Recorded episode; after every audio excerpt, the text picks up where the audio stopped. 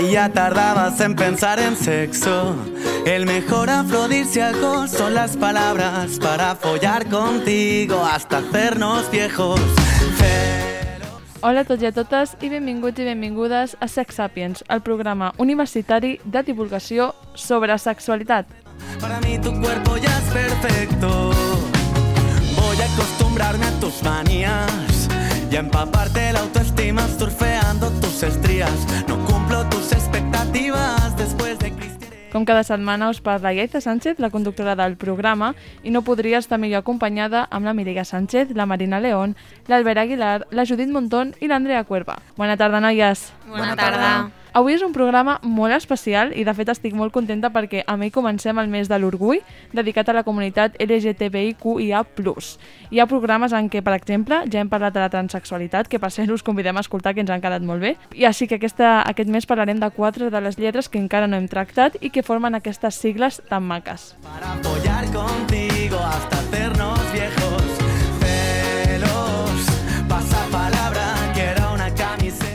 En aquest primer programa del primer mes tan especial ens endinsarem en l'homosexualitat. Per això la Mireia parlarà de la història del moviment social que va donar-hi visibilitat amb el professor del Departament d'Història Moderna i Contemporània de la UAB, Pau Casanelles.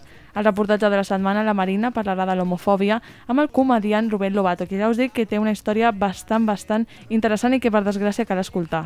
Avui entrevistarem a Vicent Borràs, vicepresident de l'Associació Famílies LGTBI. L'Albert, a Vista Panoràmica, parlarà de la repressió de l'homosexualitat arreu del món i després la Judita Culturitzem-nos tractarà un tema molt més alegre que aquí ens agrada molt, que són els xipejos de les pantalles. I com cada setmana tancarem amb la secció de les veus del carrer, on l'Andrea Cuerva ens portarà una vegada més els seus famosos mites. Dit això, comencem el programa. Dímelo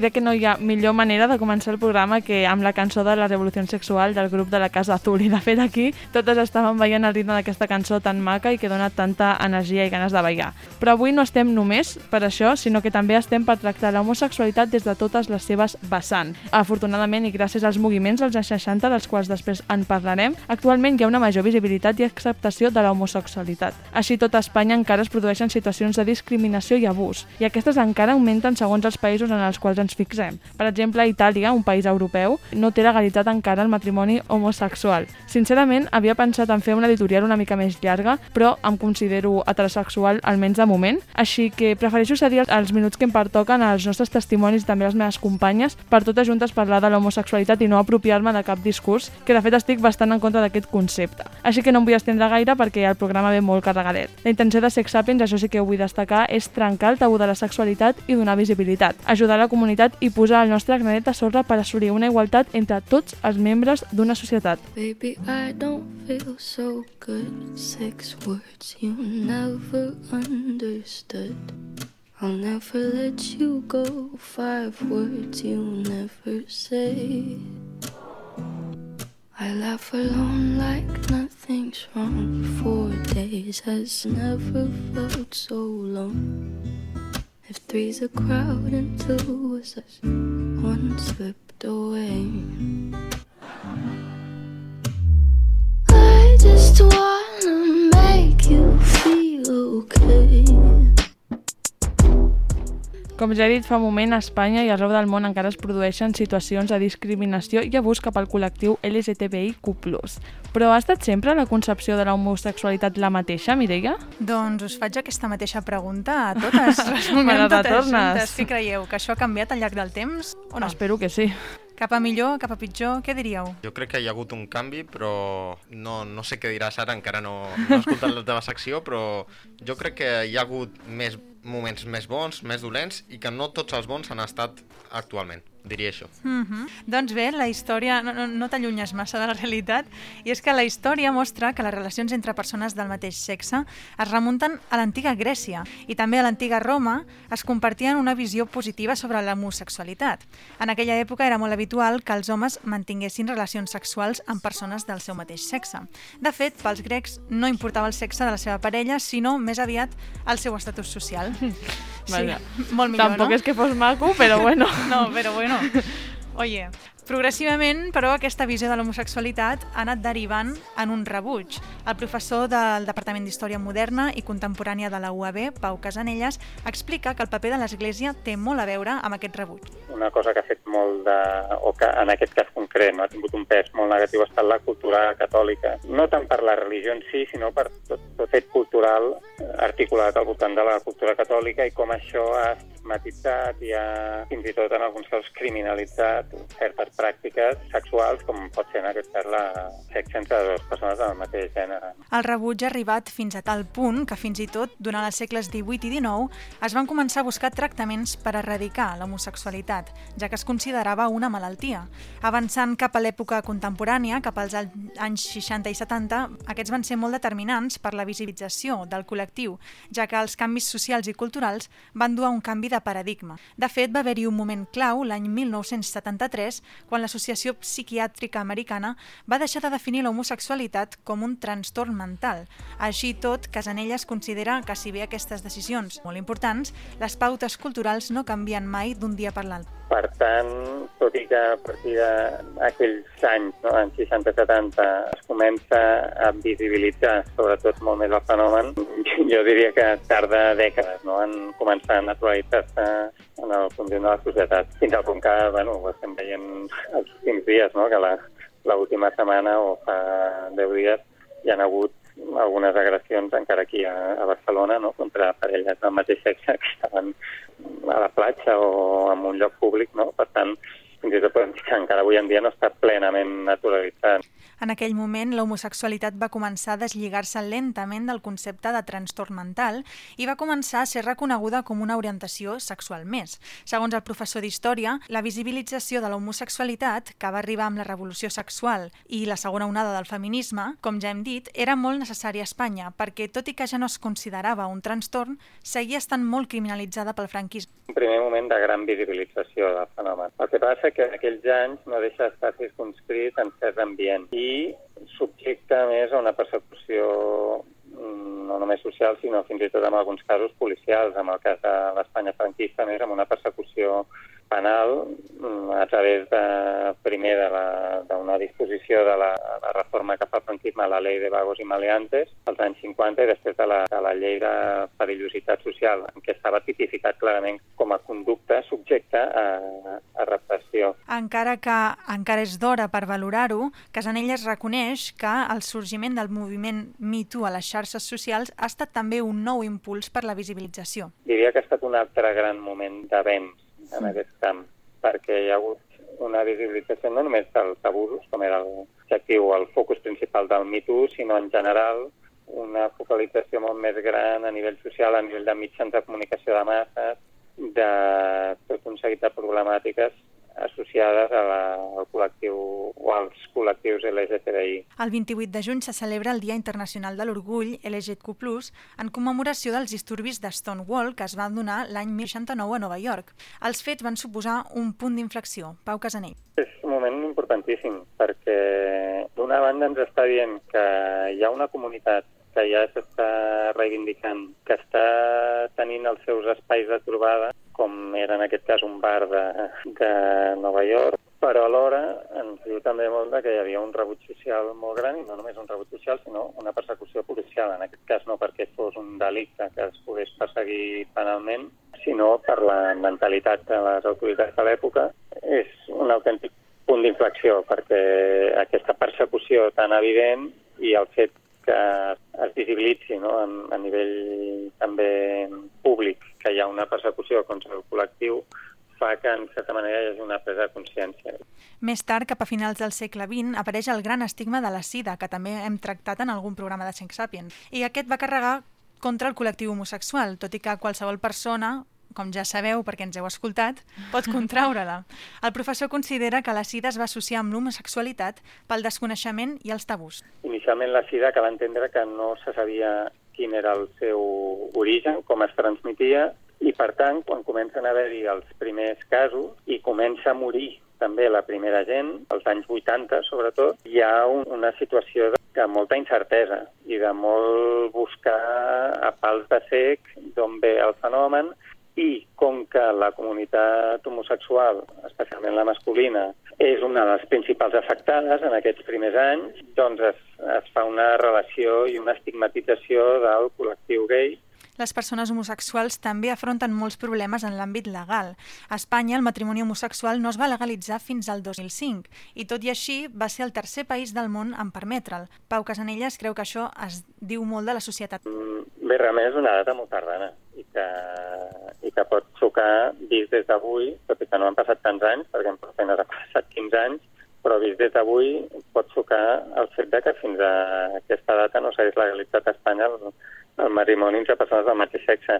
Això ens diu molt del que deia abans, de totes les resistències que hi ha socialment a acceptar un fet que existeix des de que la humanitat és humanitat i que no existeix només en l'ésser humà, sinó que existeix també en altres espècies animals.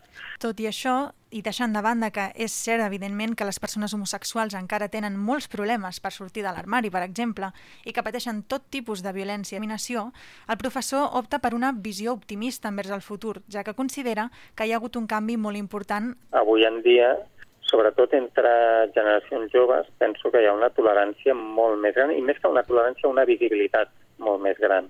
Per posar-te un exemple personal, si vols, mm, fa 20 anys o 20 i pocs anys, quan jo estudiava a l'institut, no eren visibles parelles del mateix sexe, no? Mm o del mateix gènere. I avui en dia penso que és un fet habitual, no només als instituts, sinó a la societat en general, no? i que és un, fenomen molt més acceptat, tot i que continuen havent-hi també eh, reticències per part d'una part de la població, però en general, a nivell a nivell mainstream, podríem dir, hi ha hagut un canvi molt gran. Doncs ens quedem amb aquesta reflexió positivista tot i que sabem tots els problemes que afronta la comunitat i esperem que la nostra societat segueixi avançant fins que arribi un moment de normalització total i tant de bo algun dia les persones homosexuals ni tan sols hagin de sortir de l'armari.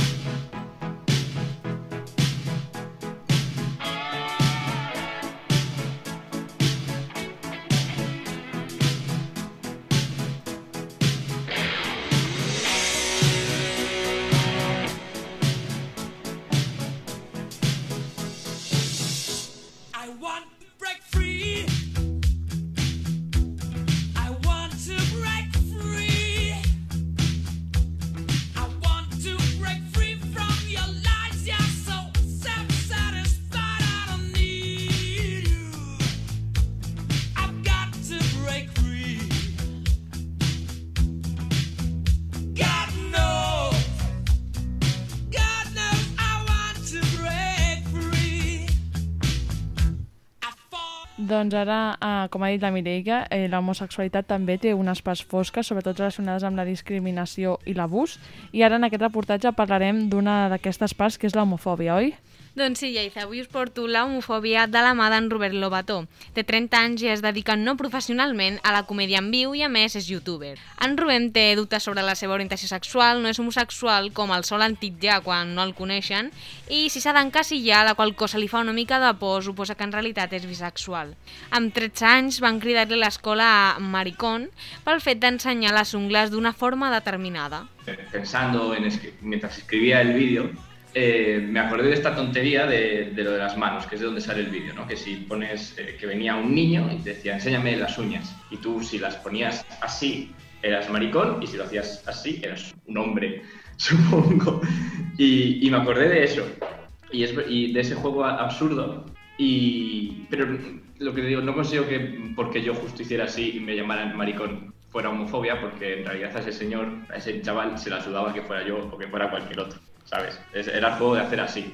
Pero sí que pensé en cómo interiorizamos eso de una forma estúpida, ¿no? De, esta cosa de, de que era malo automáticamente enseñar la mano así. En Rubén diu que allò que va fer aquell nen de 13 anys no era homofòbia en contra d'ell pel simple fet de ser en Rubén. Aquell noi, explica ell, buscava a qualsevol home per titjar-ho d'homosexual i ridiculitzar-ho. Lo que vengo a decir es que no era mm, homofobia contra mí por ser yo, quiero decir, que estaban buscando a cualquiera para que hiciera así en vez de así, le hubiera dado igual quien fuera. Y, y no considero que ese chaval, bueno, igual tenía mm, 13 años, 14 años, que el chaval que lo hiciera fuera eh, consciente, ni mucho menos consciente de, de la homofobia que todo eso conllevaba. Pero de ahí viene que luego todos lo tengamos tan dentro, que es automático desde que somos niños. Y, y que yo, a raíz de ese juego, interioricé también que hacer eso era malo porque era de maricón. Amb el comediant hem parlat sobre com aquella acció tenia el rarafons de reafirmar la masculinitat i direu, la masculinitat d'un nen de 13 anys? Doncs sí, al cap i a la fi així ens eduquen i no hem de fer res més que parar-nos a veure, per exemple, que juguen els nens al pati per adonar-nos-en. También de forma inconsciente, supongo. Y también supongo que, que es la forma de relacionarse de adolescentes, eh, incorrecta a todas luces, pero es la que hay. Y pasaba con eso, pero pasaba en todos los juegos que hacíamos los, los, niños, concretamente. Que era, pues, bueno, lo digo en el vídeo también, eh, reventarnos las pelotas contra la canasta todo el rato. Coger a... claro. Y, al final yo, que yo era, ya te digo, débil y no tendía a eso, participaba eh, cuando se lo hacían a otro para, para que no me lo hicieran a mí y para sentirme también que no era esa que, que era de los que lo hacían y no de los que lo recibían. Pero en realidad eh, era un ciclo en el que quitando a dos o tres que eran fuertes o abusones, eh, el resto nos lo hacíamos entre todos a todos. Fent l'entrevista ens vam parar a pensar si aquesta mena d'actituds eren cosa de fa 25 anys, quan Lobato era adolescent, o encara avui continua passant. Yo creo que, que eso, yo creo no, sí. Sí. O sea, yo estoy seguro que en un colegio todavía cogen a un niño y le revientan las... Lo que espero es que los profesores reaccionen distinto. es donde tengo Claro. puesta la esperanza, claro. Que está muy dentro, o sea, es que No, sí, eh, sí. esta forma de, de- de relacionarse está muy dentro. Es violenta y es eh, contra el débil y, y no sé cómo, no sé dónde viene, pero está, es in- no sé si es innata, pero la anda cerca. Ara, parlant d'escoles, us volia preguntar quin diríeu que és el percentatge de persones de la comunitat LGTBQIA+, que pateix actualment abús escolar a conseqüència de la seva orientació sexual, identitat o expressió de gènere? Jo diria que no és poc, o sigui, però tampoc es, espero que vull pensar que actualment està més regulat, o sigui, jo et diré entorn un 30-40%. Jo et diré un 46. Més cap a on tira el més Sí? alt. Doncs sí, esteu, eh, Mireia i Albert. Segons la UNESCO, més de la meitat, concretament un 54 de persones del col·lectiu han patit abús escolar almenys una vegada. Però és que el que és més important és que el 60% no ho explica. Sí, és molt important també això, perquè al final si necessites ajuda... I és també si que no s'explica no s'arriba a saber. Clar, Sí, sí, o no se sap, per tant actuar és més complicat. Això que deia dels professors, doncs si no ho expliquen molt no clar, poden fer. perquè un professor no pot regular una cosa que no sap també. Exacte. I bueno, vam continuar parlant i també vam parlar de situacions que li van succeir al youtuber amb el seu grup d'amics. Pero no, básicamente comportamientos todo el rato. Yo, por ejemplo, en Zamora, soy de Zamora, eh, mi grupo de amigos son nueve chicos. Hasta donde yo sé, todos heteros. Y es verdad que ahora tenemos 30 años y la mayoría ya es, como, vale, ya somos gente adulta, ya nos da igual, ya respetamos ciertas cosas porque hemos aprendido, pero es que igual con 20 años el chiste de eres maricón, eh, comete una polla, todo, eso puede ser, podía ser recurrente todo el rato, todo el rato. Vale, I una altra situació que em va explicar el Robert està relacionat amb les arracades. Heu escoltat mai allò de que fer-se les arracades al costat, esquerra o dret, vol dir que siguis homosexual o hetero? Home, efectivament, clar que ho he escoltat. Jo nunca- Sí, sí, sí. Jo no? nunca... No, però Jo però jo parlant amb la Marina, lo que los micros no capten, vaja. pues m'ho va explicar i jo li vaig dir que jo el que havia escoltat és que si em posava, ai, que de fet m'ho van dir, jo portava per comoditat el rellotge a la mà dreta, en plan perquè sempre el portava ja, i em va dir que me l'havia de posar a l'esquerra, que era de lesbianes. I jo Vaya tenia com 12 anys i en plan, mm, bueno, mm, Doncs jo... me lo voy a poner a la derecha porque es más cómodo. doncs jo això no, però amb les arracades sí. No tant amb les Curiós. dones, però sí amb els homes. Si te'l Sí, fas sí. al dret, al costat dret, sí, s'exposa que Que ets fort. homosexual. És Així, que per quines coses... Jo també quines- ho, ho, he- ho he escoltat amb, amb el so. No perquè sé. el meu germà es va fer una arracada quan era adolescent i igual. És que era això, en plan, no, a la dreta, no. Però el pitjor de tot això és que la gent se'l fa a l'esquerra Sí, sí. per, perquè no Sí, pensin que ho és. Que Ara ho explicarem, és que és molt heavy fins on arriba l'homofòbia. I doncs per aquest motiu, bàsicament, el Roberto va fer el piercing a l'orella esquerra. Es verdad, me, me lo regaló mi hermana con 15 años y, y- y me dijo, toma un pendiente, que, en el lado que quieras. Y me lo hice izquierdo, me, daba igual, pero porque había oído, tampoco es que lo supiera, que llevarlo en el derecho era de maricones. Y, y es eso, y es eso también, que si yo me lo hago en el derecho y, y- y si realmente es un código, que no lo sé, igual sí, pero si realmente es un código que existió en algún momento, es decir, si viene alguien y dice, "Y eres maricón, yo puedo decirle, no, y me dice, pues ya está, pues bien. Pero no, no las asumes así y, y- He de dir que vaig cercar-ho a Google i no, no hi, eh? Ho deixem clar per si alguien ahí... Clar, clar. Bueno, i sobre aquest tema em va semblar molt interessant, ja que recurrentment jo he escoltat això que les arracades en l'orella dreta són pels homes homosexuals. I vaig trobar un article, que era una joia en aquest sentit, de la revista mm, CQ Espanya, que donava 10 motius pels quals un home no ha de portar arracada. Mare de... Bueno, és bueno. que... Uns dels motius, Promete. efectivament, és el codi de l'arracada. El codi, eh? Diuen que és un codi, ells, però no ho és. I, bueno, parlen de que és una teoria urbana, que si la portes a l'esquerra ets hetero, si la portes a la dreta homosexual, i si ho portes a les dues orelles, ojo que afegeixen les dues orelles, ets bisexual. Per la revista la teoria, bueno, tot i que la fiquen a l'article, no se sustenta molt, No sé por qué, no lo entiendo. Clar. I diuen que si ets home, eh, el que has de fer és no fer-te una arracada i ja està. Aquesta és la solució més, que han, Que més reforça, intel·ligent a la que sí, han arribat. que reforça sí. la masculinitat fràgil. I bueno, això, volia mm, tornar al tema, arran d'aquest article, de, de reafirmar la masculinitat i de fer-ho en relació a fugir d'allò que es considera que és per homosexuals. Què, què en penseu d'això? Mare meva, és que jo sincerament m'ho dius ara 20 anys, segle XXI, no sé, jo és que no, no trobo que té ni caps ni peus. No sé, però jo he parlat molt. A mi m'interessa l'Albert, que per exemple ha estat més callat avui. Com es diu la revista aquesta? CQ Espanya. Bueno, el bon periodisme pot estar tranquil, no? Amb aquesta revista estic tranquil. Completament surrealista, no? A- Aquests articles i aquesta mena de llista com... Com, com li has dit? És que no... no, no Sí, 10 motius pels quals un home no ha de portar arracada. És és, que, surrealista. és que això no és ni publicable, vull dir, és que... Ha de ser denunciable, jo crec. Si, si ens esforcem... Totalment, És que- totalment. Bueno, jo, partint de la base que acabo d'adonar-me'n bisexual, segons aquest article, perquè porto una arracada a la- a l'orella dreta, doncs, bueno, vale. Mare meva. I un dels exemples d'això de reafirmar la masculinitat fugint de les coses considerades homosexuals que més m'ha sobtat del que m'explicava el comediant és que a l'escola també el titjaven a ell d'homosexual pel fet de com tractava les nenes. Si no jugava a agafar-lis el cul, ell era un maricón, com li deia en aquella època.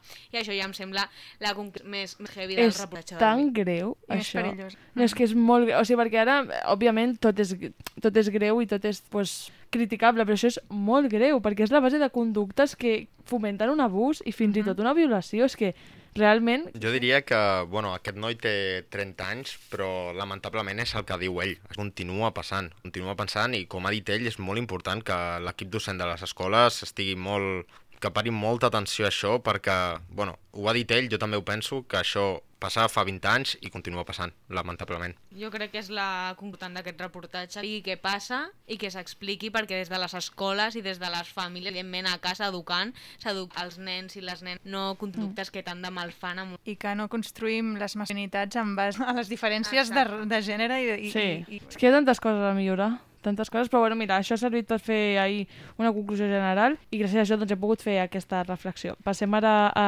l'entrevista.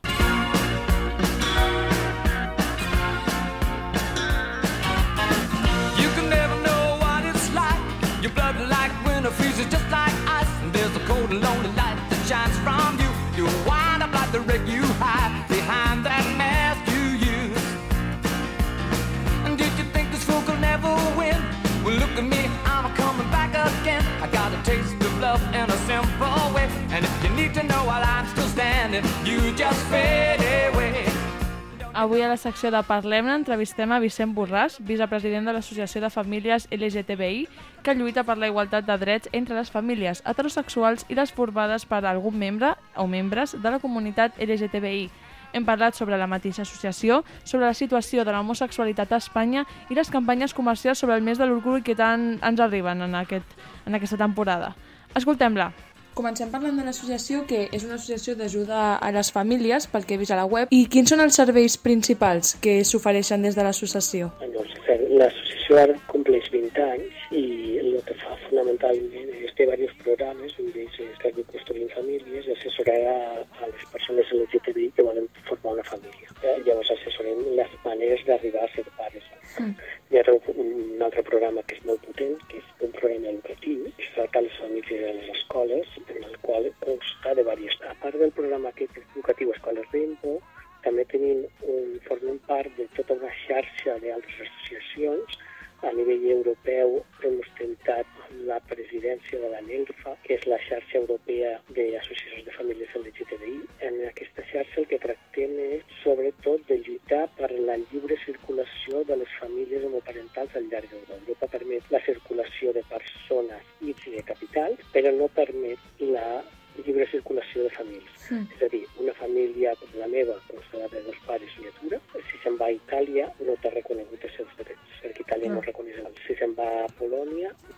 comentant una mica també la situació de l'homosexualitat en general, a Espanya, tot i que doncs, recentment està més acceptada, i per exemple, el matrimoni homosexual està legalitzat, cosa que altres països com a Itàlia no, sí que és veritat que encara es troba en una situació de discriminació i vulnerabilitat. Creu vostè que vivim encara en un país homòfob? Sí, igual que vivim en un país masclista, és la mateixa homofòbia, la homofòbia hi ha moltíssima homofòbia. S'ha produït, hi ha homofòbies que són més subtils, com la que li explicava, eh?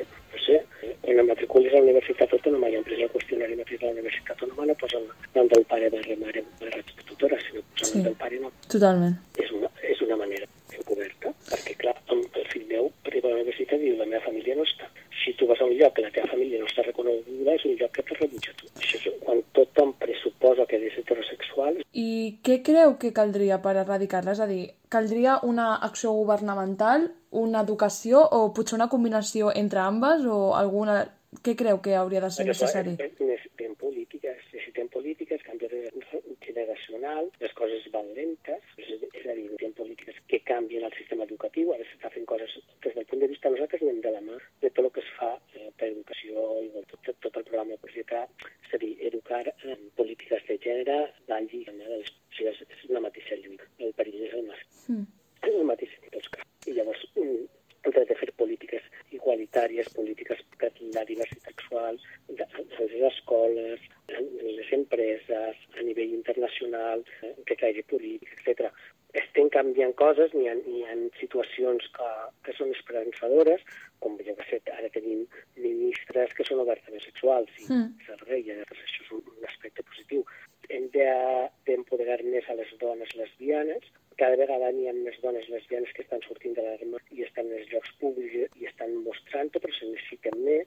La bona notícia és que ara s'estan produint més matrimonis entre lesbianes i gais, això significa un avanç, però eh, dins dintre del mateix col·lectiu la representativitat o la visibilitat pública s'està fent més per part dels gais que no de les lesbianes.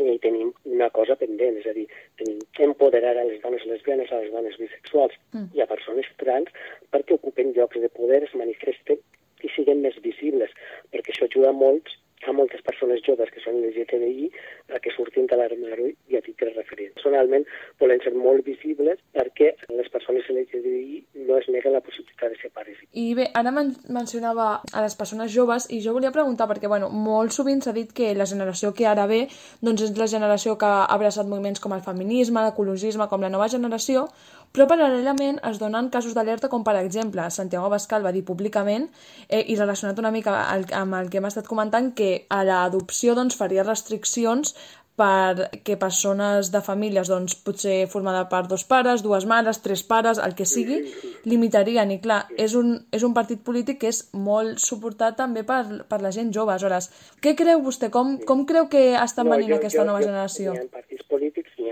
ha, ara... Quan l'avanç és molt, sempre n'hi ha un, una part de la societat que reacciona a la corrupció. És a dir, les dades, per exemple, d'assassinats en, en els països nòrdics maten més dones que en termes... Mm. I els països nòrdics estan molt més avançats en termes de gènere. És a dir, sempre quan hi haurà un col·lectiu que rebota i reacciona a violència, que és el que han vist aquest cap de setmana, per persones sexuals que no estan agre- agredides per persones joves a la ciutat de Barcelona, de totes les xarxes. Això és una reacció davant de lo que està... Mm. Per tant, encara tenim una mica d'esperances, no?, en aquesta generació de que canvi No, no, mica. no, no, jo crec que, que, que hem d'estar vigilants tots els canvis que fem i tots els tres que s'aconsegueixen no és ja el tinc i el mantinc per sempre, sinó hem d'estar vigilants i s'ha de legislar més, per exemple, posar un règim sancionador contra les violències. El que no pot ser és que no estigui penat, és a dir, els actes d'homofòbia han d'estar penats. I, bueno, ja per acabar m'agradaria comentar que bé, com, com molt, ja s'ha vist molt de temps, el juny és el mes de, de l'orgull de la comunitat LGTBIQ+. Aleshores, moltes empreses, com per exemple Apple, aprofiten per llançar les seves marques, com per exemple que ara són d'ordinadors de diferents colors, amb Color is Beautiful, o també una línia de roba molt polèmica que, que va haver-hi recentment en, en motiu de, doncs, el mes de l'orgull, de la seva commemoració. Què n'opina d'aquestes campanyes? Bueno, aquí hi ha un debat entre, tradicionalment, dintre del moviment, el FAC, per exemple, que ha estat en contra de lo que la Rosa, no? Aquesta manifestació mateix acte del Pride, o de l'Hereditari jo, és a dir, segurament l'Hereditari ha sigut un moviment crític i dintre de les associacions n'hi ha associacions que són més antisistema que altres. Jo crec que eh, normalitzar, és a dir, si vivim en un sistema capitalista i hi ha empreses, etc que eh, trauen profit de d'una tendència, una moda o una acceptació social és un reflexe de que està més acceptat. Fa uns anys seria impossible que una empresa tipus Apple tragués alguna reivindicant. Si, si, si, si hi ha alguna és perquè hi ha mercat i perquè hi ha públic que ho accepta com, com un element, etc. Jo ho veig com un reflexe de les que hi hagi empreses que vulguin treure un profit, etc. Això, doncs, bueno, és el sistema que ven. Com qualsevol eh, moviment social, sempre el sistema capitalista el fa. Quan van aparèixer els hippies, doncs també n'hi ha van aparegut l'ecologisme i està tot ple de roba reciclada, etc. Sempre el, el sistema tracta de treure benefici del lloc que es converteix a, a moviment social massiu, eh, el moviment LGTBIQ+, s'està convertint cada vegada més massiu i té més acceptació social, pues, grans companyies com Apple, no volen treure profit, però és un bon reflexe. Jo ho celebre perquè hi hagi aquest mercat en què puguen oferir aquest tipus de productes, etc., pues està bé, perquè abans els empresaris o les persones que muntaven perquè deixen les persones LGTBI ho feien des de la comunitat i aquests llocs pues, eren un espai de llibertat per a les cristianes per poder anar a relacionar-nos, etc. Vull dir que, en certa mesura, vivim en un món capitalista, en un món, un món que està segmentat, que hi ha modes i productes, etc., per segments diferenciats de població, el que sé, és com si diguéssim una empresa que es dedica a fabricar roba de talles grans. Pues, bueno, s'estan aprofitant, estan fent alguna a favor perquè les dones que tenen uns pes que no és el que surten a les passarel·les puguen sentir-se maques, etc., i compren roba adaptada a les seves al seu pes, doncs fantàstic, benvingut. Que hi ha unes empreses que s'estan aprofitant d'això, doncs Doncs amb aquesta pregunta acabem ja l'entrevista. Moltes gràcies per, per estar aquí amb nosaltres i per atendre'ns. La veritat és que ha sigut un plaer poder parlar. My lover's got humor. She's the giggle at a funeral. Knows everybody's disapproval. I should have worshipped her sooner. If the heavens ever did speak, she's the last true mouthpiece. Every Sunday's getting more bleak. A fresh poison each week. We were born sick, you heard them say it. My church offers no absolutes. She tells me worship in the bedroom. The only heaven I'll be sent to is when I'm alone with. Després d'aquesta entrevista tornem una mica amb aquesta cançó de Take Me to Church a un clima més trist, perquè avui no ens portes el, precisament al costat alegre de l'homosexualitat, oi Albert? Doncs no, la veritat, avui us parlaré una miqueta de la repressió que pateixen les persones homosexuals arreu del món i, bueno, mantenir relacions sexuals amb algú del mateix sexe està tipificat com un delicte que pot ser castigat amb pena de mort en una dotzena de països. Mauritània, Sudan, Somàlia, Nigèria, l'Aràbia Saudita, l'Afganistan, Brunei, Qatar, l'Unió dels Emirats Àrabs, l'Iran, el Pakistan i Yemen contemplen en els seus codis penals la pena de mort per practicar el coit amb una persona del mateix sexe, segons publica l'Associació Internacional de Lesbianes Gais, Bisexuals, Transsexuals, Intersexuals, ILGA. A més de la pena capital, dels 193 països que conformen l'ONU, 68 d'ells prohibeixen explícitament les relacions entre persones del mateix sexe. Aquesta xifra suposa que en més d'un terç dels estats del món són il·legals els actes sexuals consensuats entre persones del mateix sexe. La majoria d'ells es troben a Àfrica i Àsia, i les penes van des de multes econòmiques físiques, condemnes de pressió, càstig físics, com un determinat nombre de bastonades, fins a la mort. A Yemen, el Codi Penal recull una pena de 100 bastonades per a aquells que practiquin el coit amb persones del mateix sexe. En alguns països com, com els del Carib, com per exemple Jamaica i St. Kitts St. Nevis, la pena és l'obligació de treballs forçosos. En països com Malàcia, aquest delicte està tipificat com a coit contra natura i pot arribar a implicar fins a 20 anys de presó i penes com a multes i fuetades. A més, existeixen lleis que limiten la llibertat d'expressió i prohibeixen la processió, mostra, venda o producció de qualsevol pel·lícula o material publicitari obscè o que estigui en contra de la decadència pública. Entre cometes, clar. Sí, entre cometes, jo estic marcant Sí, aquí l'estudi això que no es veu. Clar, no es veu al final. Todo s'andarà. Això són coses de la ràdio, clar. En aquest apartat apareixen algunes de les principals economies mundials com la Xina i Rússia. Segons cita l'informe, el gegant asiàtic va emetre les regles generals per a la producció de contingut de sèries de televisió que prohibeixen el contingut que, entre cometes, mostri relacions sexuals anormals o comportament sexual com l'homosexualitat, tanco cometes. Una regulació que va anar reformant en els següents anys, mentre que a Rússia la llei federal 3013 prohibeix la promoció de relacions sexuals no tradicionals entre menors d'edat. Això de no, no tradicionals també ho diu la mateixa llei. Una legislació que, segons l'informe, s'ha utilitzat per a processar diverses persones des de la seva promulgació, inclosos activistes, pàgines web i mitjans de comunicació. Sens dubte, un exemple de censura que nosaltres, com a, a més com a estudiants de periodisme, estem molt, molt Sí, molt ficats en ficats, això clar. i sabem realment lo greu que, que és això. I ja per acabar, en la cara oposada, l'informe recull legislació de 123 països, no hi ha cap mena de sanció que penalitzi les relacions homosexuals. Entre ells es troben la majoria dels països europeus i americans. Per tant, a nivell mundial la cosa tampoc millora i tenim un gran camí per Gravíssim, recórrer. eh? No sé, Judit, si tu vols dir alguna cosa, Te- tens alguna cara així com de sorpresa? És que porto molt de rato sense palpejar, però és que no ho estic entenent. Un moment, relacions no tradicionals. Sí, que són països que a més coincideixen que, en, que ens has portat que també són els que tenen menys educació sexual, de fet. Exacte, exacte. Països més avançats en altres coses econòmicament, com podríem dir Xina o Rússia, que ja hem parlat algunes vegades que a nivell de lleis sobre sexualitat encara queden un llarg camí per recórrer. Flipant perquè no entenc com es quarta la llibertat de... Bueno, és que ja no és ni d'expressió, és llibertat d'identitat. Són països també que, abans la Míriam ho ha dit, al final la religió, com molt a veure, i al final no hi ha hagut tanta desvinculació entre la religió i la pràctica política i social. Entenc jo, no? Perquè són països amb un fort component religió. No sé si vosaltres, noies, que en penseu, potser això també té, té a veure, no? Sí, sí, crec que sí, totalment, perquè al final aquí també a Espanya jo crec que en quan ens hem començat a desvincular una mica de la religió Mm. és quan al final hem obert els ulls. És que sembla també bastant flipant que hi hagi estats en els que dins d'una presó pugui haver una persona que ha violat a tres dones i també una persona que ha estat amb la seva parella, tot i que Sí. sigui del mateix sexe, o sigui, no sé. I fins i tot pena de morts, eh? I són països que en altres coses, com ja he dit, estan molt avançats. A vegades es idealitza segons quins països. Segurament heu escoltat algú que ha dit vaig a viatjar a Dubai, per exemple, de la Unió dels Emirats Àrabs. Sí, Viatja, amiga. aniré a Dubai a veure els gratacels. Doncs mira, Dubai, pena de mort. És que són pena de mort. països de contrast. Solen Sí. ser països molt avançats en un aspecte, però després molt endarrerits. Totalment. Sí, exactament. Clar, avançats. sexualitat com això, tu parlaves de, de decadència, d'actes de decadència, fort i, i Mm. fa molta pena. Clar, també com en paraulem fa molt. Però si tu un acte com així la fas amb aquesta connotació negativa, també serveix per educar. Abans d'explicar-vos la notícia del Vista Panoràmica d'avui, escoltarem una cançó que us donarà una pista sobre el tema que tractarem. Loro non sanno di che parlo, vestiti sporchi fra di fango, giallo di siga fra le dita, io con la siga camminando. Scusami ma ci credo tanto che posso fare questo salto. A veure, qui l'ha adivinat? Espero que bastanta proporció de gent, no? Sí? doncs aquesta és la cançó del grup Maneskin, es diu City of Bonis, si algú no ho sap, imagino que Segur, algun moltes desubicat de les desubicada, nostres eh? oients no, no coneixen aquest grup. Aquesta cançó pertany al grup italià Maneskin, es diu City of Boni, i és el grup que ha guanyat el Festival Europeu de la Música anomenat Eurovisió. Un- Això sí que imagino que totes coneixeu el festival. Suposo que hi haurà Molta algunes que sou més fans, menys fans, però No hem vingut a debatre això, ojalà. eurofans.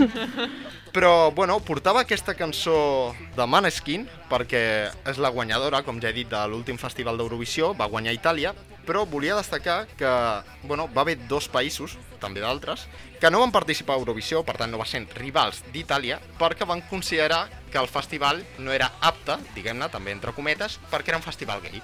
Per tant, van renunciar de forma pública a la seva participació al fest Festival d'Eurovisió.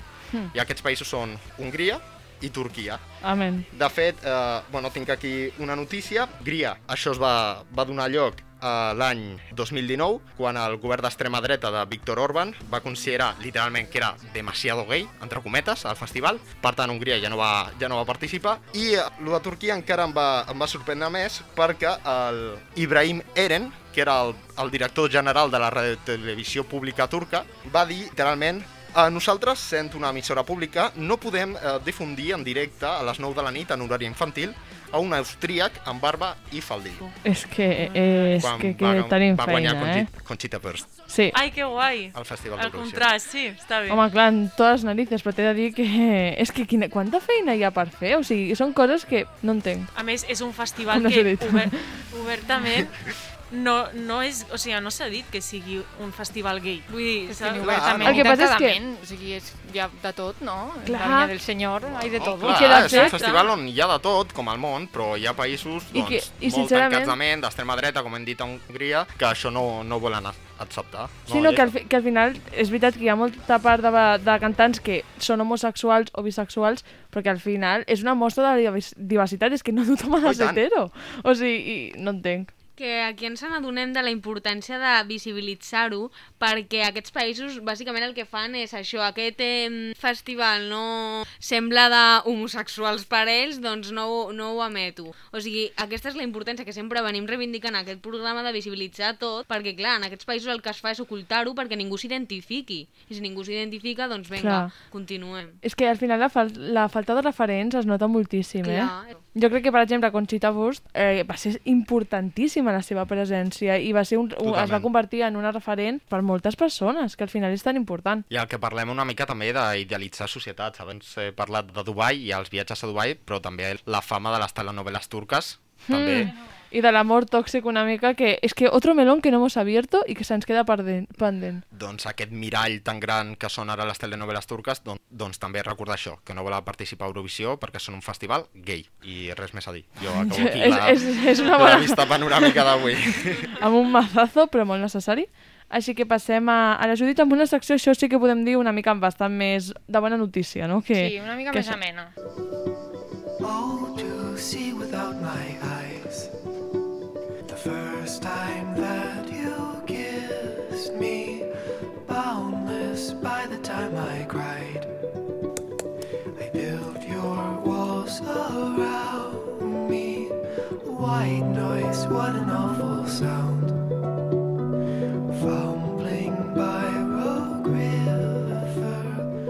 Aquesta cançó convida a enamorar-se, jo crec que estareu totes d'acord amb mi. I això està relacionat amb la, amb la teva secció, oi, Judit? Doncs sí, avui us porto els grans xipeos homosexuals de la gran pantalla. La Yaiza està ja Sí. ballant a sobre la cadira. És que...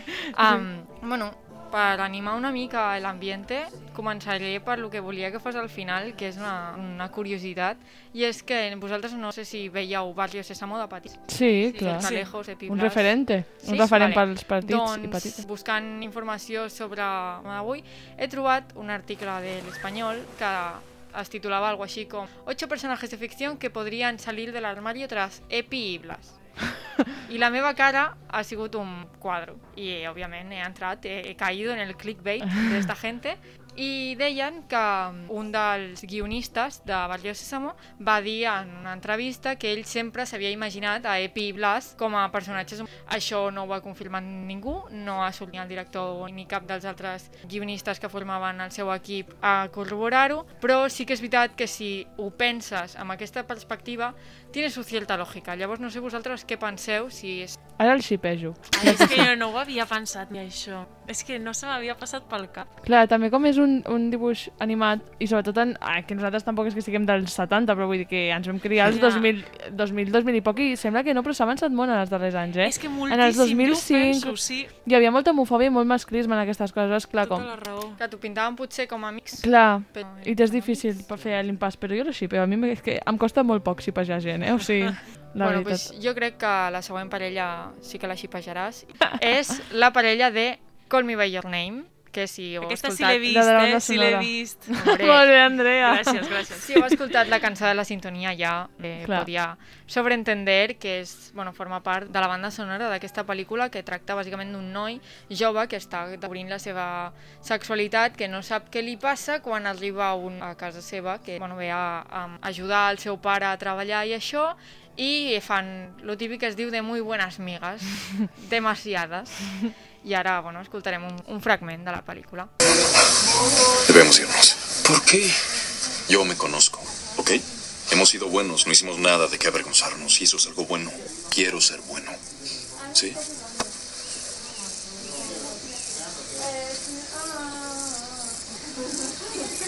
Te estoy ofendiendo.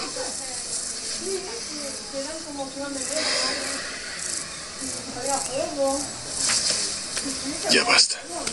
Bueno, bàsicament aquest home ajuda a, al noi a explorar la seva sexualitat i juga amb ell. Podríem mirar-ho per alguna banda més com patriarcal, de que l'home Mm. gran pues, vol que ho amagui i que ningú ho sàpiga, però també, per altra banda, crec que és molt important que hi hagi pel·lícules com aquestes. Per exemple, quan la vaig veure vaig pensar "És que tal qual un nen de 15 anys veient això, pensa, és que a mi també em passa. Mm. És que jo també tinc ganes de tocar-me quan veig a X cosa o quan penso en X cosa, Clar. que no és lo habitual que els meus amics parlen o el que es veu a la tele quan es parla de, de sexe. I llavors, o sigui, trobo que és una pel·lícula que es pot mirar des de moltes perspectives diferents, però el fet de que visibilitzi tant la inquietud del jove de què m'està passant i esto és normal, i que hi hagi com una espècie de referent adult que tot i que passa el que passa, de que Mm. no es fa públic, no arriba en lloc, però té un referent de dir, vale, el que em passa és que no passa res greu, és que soy así, puto, saps? I, i el noi a partir d'aquí, no, doncs ex explora la seva sexualitat i trobo que és superimportant. Sí. I a més el noi, crec que estava amb una noia. Eh. Pot ser que el noi... És que no, fa molt temps ja que la Sí, vaig sí. veure i tal, però el noi està com amb la seva nòvia i és quan ell descobreix que potser li... No sé si acaba sent homosexual o bisexual, no però al final ell descobreix que li agrada Sí. tenir nòvia, saps? Bueno, la segona parella, el Pol i el Bruno de Merlí, per Hem favor. parlat molts d'ells. Sí. Us posaré un fragment, que segur per el remembering, remembering consigo. Que a mí no me molan las tías. Ah, no. ¿Y aleshores per què t'has posat pelote? I Molt forta aquesta escena, eh? Eh, Molt forta. que és que- Jo me'n recordo de... e- Ese momento va ser increïble. És que qué momento. Qué moment. Qué momento. Poc es pot afegir. Un altre, perquè el Pol Sí, és com el malote de classe, no el sé. que es- se les tirava com a totes... Clar, el típic ai, que no uh. pot ser gay. I de Clar. cop i volta, clar, I la sèrie t'enfoca com l'enamorament del Bruno, en plan, pobrecito, no Sí. sé què, mai estaran Clar, junts. I de cop a la festa es lien és com... Sí, Uau. sí, sí. T'enfoca el Bruno Que com el bonic. típic nen que, que és gay però no li diu a ningú perquè fa vergonyeta i a sobre Mm. li mola el xulo de classe, que seguro que serà un heterobàsico, Que ja i no ho intenta. I llavors, clar, quan veu l'oportunitat i passa, ah, Sí. després el Bruno ho passa Ningú fatal. ningú s'esperava, jo crec, eh? perquè jo vaig flipar molt. Tu, tu sí, ara. Ara tu sí, ara tu sí. És que l'Albert és amigo de los guionistas. No, no, no, no, no m'ho esperava, no m'ho esperava. Però, però sens dubte és una escena que a mi em va agradar molt també, una escena icònica no? de, de, de l'audiovisual català i... Sí, totalment, a mi em va agradar... el català.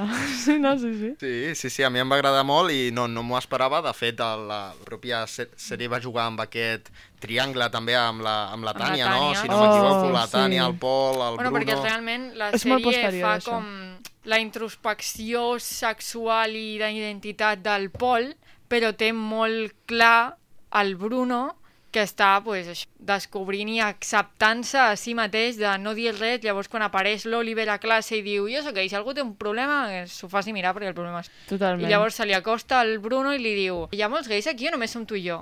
I el Bruno li diu ai no, no, no diguis res, no diguis res, no diguis Sí. res. d'aquí." I llavors Sí. hi ha l'altra escena icònica de la sèrie que és quan el Bruno representa que surt de l'armari davant de tota la classe i es dedica a ballar, Sí, a ballar. amb l'Oliver uh, per tot l'institut. Cosa que no acostuma a passar Però que a estaria vida, guai. Però eh, baila tus problemes com...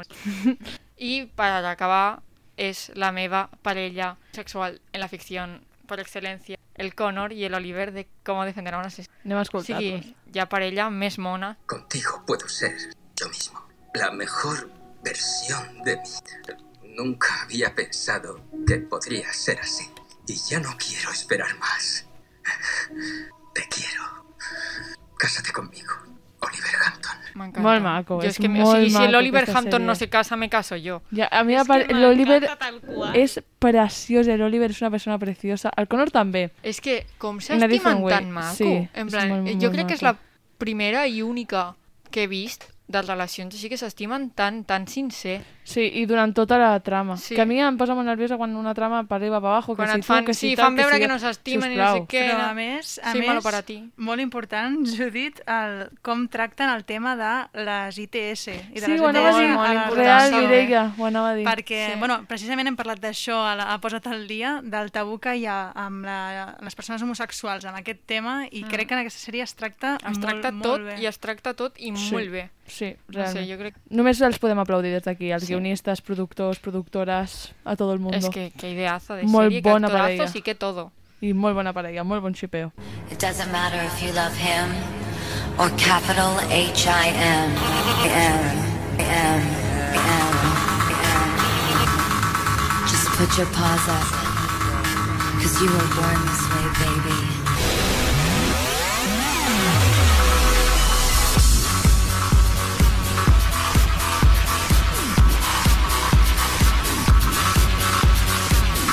Mama told me when I was young, we're all born superstars. Quin temazo per acomiadar el programa, si us De res, plau. de res, noies, Molt de bé, res. Andrea, perquè clar... doncs ja comencem, al grano. Comencem amb el primer mite del programa d'avui que ens afirma que les persones homosexuals ho són des del naixement. Què en pensen les veus del carrer? Crec que, bueno, depèn. Fals? Doncs jo crec que les persones homosexuals sí que ho són des de naixement. Jo crec que és veritat. Què en penseu, noies? Jo crec que sí, però que una altra cosa és quan s'adoni la persona. Jo vull fer aquesta distinció. No ho sé. Sí, jo és que no em centraria tant en si ve definit o no pel naixement. Jo em Clar. centraria en... Perquè jo crec que això es construeix molt també a l'adolescent. Jo crec que aquí s'acaben de definir els gustos de cadascú i mai és tard per descobrir... Veamos más opiniones. Albert, Marina, Judit. Bueno, la La Judit gent no es l'última que sempre, que sempre acierta. Uh, jo diria que no, no ve de naixement. Jo crec que és una cosa que es construeix i, com ha dit la Mireia, també, que bona part d'aquesta construcció es produeix potser a l'adolescent. Aquí, és que eh, s'ha quedat l'estudi paralitzat. Venga, Marina, mojate, que estás al lado de... Estás al lado del papel. és que no, no mojaré. és clar, Albert, o sigui, jo crec que aquí la qüestió és quan te n'adones o quan ho penses i ja està, perquè és que de petit res. Estàs ahí... Bueno, a veure, Judit. Jo crec que no. Vosaltres de, Ningú està de la anys- o sigui, meva part? tres En sèrio? Algú amb un any, algú amb un any no, o sigui, no sé, algú amb un any sap que és hetero i que no, tampoc, saps? En plan, no sé. O sigui, jo crec que una cosa és um, el que tu siguis i l'altra és el, la teva capacitat de raonar. Jo crec que, que la capacitat de raonar ja no és la condició sexual el que es desenvolupa a l'adolescència, que també, sinó la teva capacitat de reconèixer-te tu mateix i de gestionar tot el que sents no ve de naixement. O sigui, òbviament doncs, hi ha nens que amb 3 anys ho deuen tenir superclar i ole ells, Mm. però jo no sabia, o sigui, jo no sabia que la plastilina no es menjava i com, com passava el que me gusta, m'entens? No sé. Doncs ja, Iza, ho sento. Vaja. Però tot l'estudi acostumant. tot l'estudi té No, raó. És... no passa nada. A veure, et deixo O una petita esperança, perquè no és del tot fals, però gairebé 100% fals.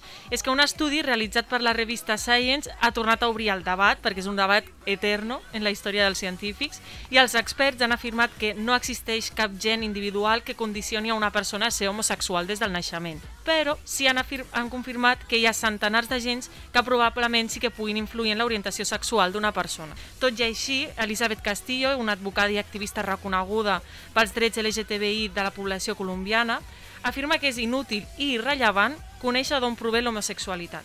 Segons ella, no s'adquireix per influència ni per factors externs, sinó que és una característica marcada en la, en la identitat d'una manera profunda. I és possible que les persones que han crescut en una societat més permissiva, com potser pugui ser la nostra, Clar. hagin pogut tenir els inputs correctes per desenvolupar la seva sexualitat satisfactòriament. Però, seguint en la línia de l'advocada, el més important és acabar amb la discriminació, si us plau. No tant fixar-nos en com es produeix l'homosexualitat. Clar, això... Podem aplaudir aquesta dona. Sí. Exacte. Això és la mostra de que si no nos ponen Eurovisión no podemos saber si nos gusta. És que bàsicament, Mireia, bàsicament, és bien. això. Mireia, t'has de quedar més als debats. Comentarios com estos.